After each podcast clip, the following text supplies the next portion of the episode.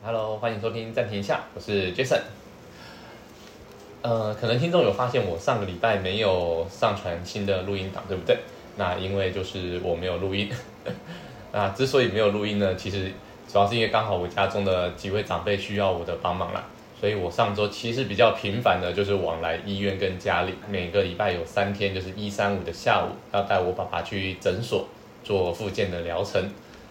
好，那再来就是我上周有一天的下午，因为刚好有空档，所以就安排了一个会议，跟朋友我们去了呃学甲区，就是台南市的学甲区，我们去参观巧巧妇织布工艺工作室。那这个工作室呢，它租用了一个我们传统式的三合院的房子，把它租下来以后，重新打扫整理，然后变成了一个工作室。那这个工作室主要在做什么呢？他们的主力的产品其实是一些手工艺的编织，像是玉米叶的编织啊，或者是一些那个小麦稻草，就是采收完之后的稻杆，把它重新编织成我们的编织品。所以各位如果说有去一些文化村，或者是有去一些农村，可能会看到有时候我们在过那个什么晒豆子，或者是在呃晒东西的那个米筛，那这种。这个米筛另外一个用处可能就是你们结婚的时候会看到拿来照新娘的头。那这个工作室呢，他们主要就是在做手工编织这样子的产品。而这个工作室我去了解之后，我觉得他们让我觉得很伟大的是，他们并不是属于盈利事业，而是他们其实主要说他们的创办人就是怡君小姐，她当时的理念其实是希望能够把比较偏乡的地的地区。会有一些就是我们所谓的职业呃家庭妇女，不是职业妇女，是家庭妇女，就是可能先生去上班呐，在市区上班呐，他们就是在家中照顾小朋友，照顾家里的长辈，照顾家庭的这个状况。通常这样的家庭妇女在小朋友长大了以后，他们就会陷入了一种就是哎，好像不知道该回该不该回归社会，或者是他们不敢回归社会的，就是回归职场的这样子的一个情形。那可是，在小朋友其实越来越长大的过程当中，他们的时间自己的时间也会越来越多，而这个这种时候很容易会造成他们对于自我价值感的丧失，或者会觉得说，哎，自我怀疑说，哇，小朋友长大了，我的人生好像看起来是解脱了，可是时间多了出来，没有事情做，好像我的人生就没有意义了，我这个人就没有产值的那种感觉。所以我们的那个创办人呢，他就。创立了这个巧妇织布工艺工作室，那主要也就是结合我们学甲地区，因为毕竟是农业的农业为主的一个地区，那每年农耕完以后休耕期间的一些剩下来的一些农耕的废料，除了拿去做成肥料以外，其实更多的就是抛弃掉了，或者是直接焚烧掉，在以前这是蛮常见的一个状况，所以我们创办人就决定说，哎，那不如我创办一个这样的工作室，然后呃。跟农民以及去回跟当地的一些农家去回收一下这些，不论是玉米叶也好啊，其实我后来去了解才知道，玉米叶或者是这些小麦的一些剩下来的一些叶子，其实是不可以乱收的，因为它毕竟是气作农务，所以呃所谓的气作就是说他们是跟收购的单位是有签约的，所以你必须要先去。取得一些认可啦，所以才有办法来跟他们农民说，哎，这这些剩下来的玉米叶可以给我我们来做编织，然后编织完之后的成品再拿去做贩售。一方面给这些妇女，在他们有闲暇之余的时候，可以来工作室学习编织，学习一技之长。那他们自己编出来的产品呢，则透过了的工作室的一些人脉，透过了创办人的一些关系，去参加各个各地的活动或举办一些。呃，跟政府合办的活动，把这样的商品给他销售推广出去，转换成收入之后呢，再回馈给这些家庭妇女们，让他们知道说，哎，其实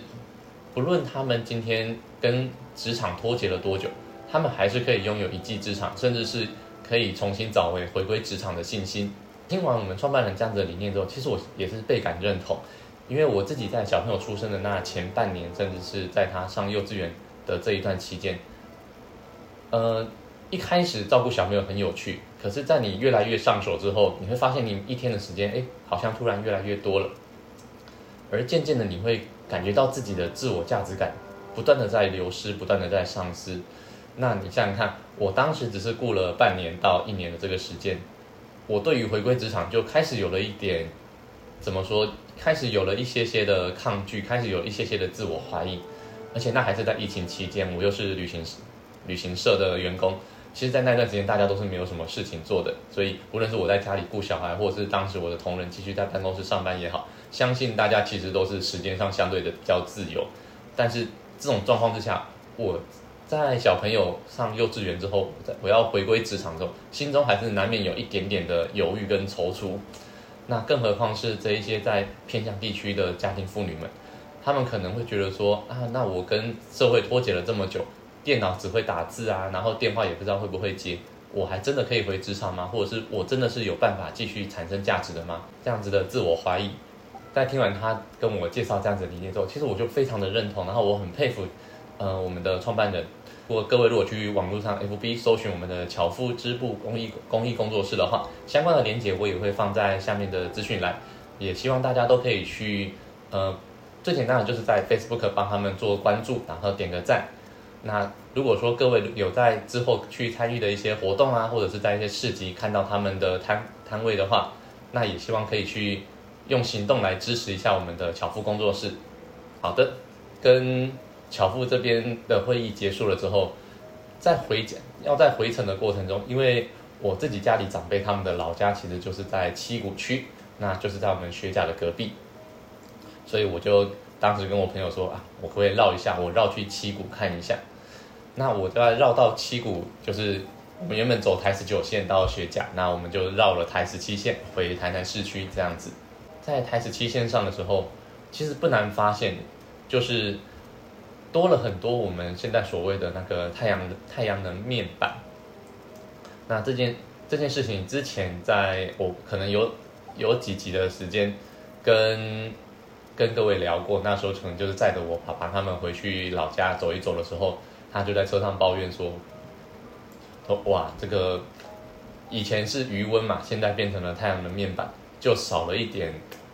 就是那种他们以前记忆中的那个味道都完全消失不见了。”我当时想法比较直接，我就跟我就跟他们讲说：“可是你想想看，现在留在这里的那些老人家或者是人口，他们其实也没有办法再继续去从事余温的放养啊，或者是农耕的种植。”因为毕竟年纪大了，那这种就是重体力的行业，他们也做不了。而他们的下一代如果没有要接班，没有要接手的话，那你把余温放在那里，就是长青苔啊，就是长水草。那你把农作物放在那里，那就是长杂草，就是整个土地你其实也没有办法利用。可是如果说你拿来种电的话，至少你还可以分到一些收入。所以我觉得我那时候的想法是比较偏向，就是从。呃，实际上的利益或收入的角度来看待这件事情，可是这一趟呢，因为我刚好我跟那个巧妇的创办人聊完天以后，我也有一点点被他的一些理念所影响，所以进而我在开车回才回来的路上，又经过这些光电的面板的时候，心里就在想，好像我爸爸那时候说的是有一点道理的，就是可能在他们的记忆之中，这些余温是他们去偷偷的钓鱼也好啊。然后这些农田是他们去偷偷摘蔬菜，还是地瓜？这个我就不太清楚了。不过我印象中我知道是那附近玉米其实种的蛮多的，所以偷拔玉米的可能性也是蛮高的。那这些都是他们记忆中的儿时回忆。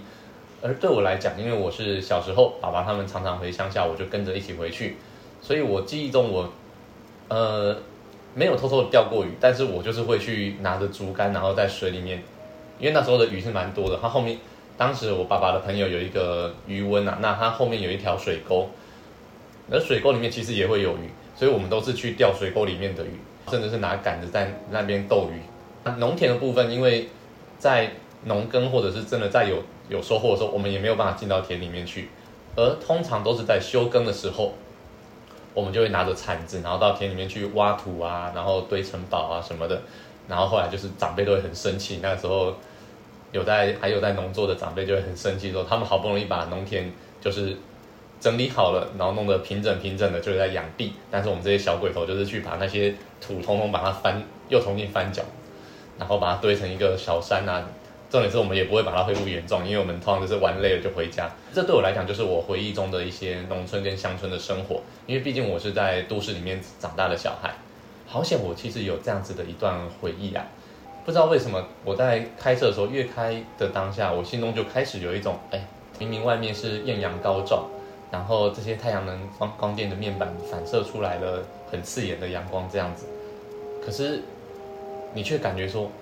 哇，这的确是一个越来越落寞的地方，那心中就会有一股惆怅的感觉。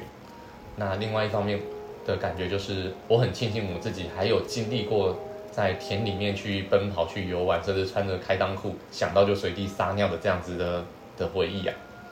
那不知道各位你们也有没有这样子的一个回忆在你们心中呢？如果有的话，那我觉得我也可以建议大家，就是当你在有空的时候，周末假日或者是年假，不一定要去什么景点人挤人，有时候也可以回你的老家去看一看，看一看那些三合院，看一看那些旧的房子。经过了十几年，经过了二十年，再回去看看的时候。你是会发现到一些变化的，那这些变化可能会让你觉得惆怅，会让你觉得寂寞。不过那也代表我们真的慢慢的在成长，真的慢慢的在长大了，是吧？好的，那我们暂停一下，今天录音就到这边，我们下一次见，拜拜。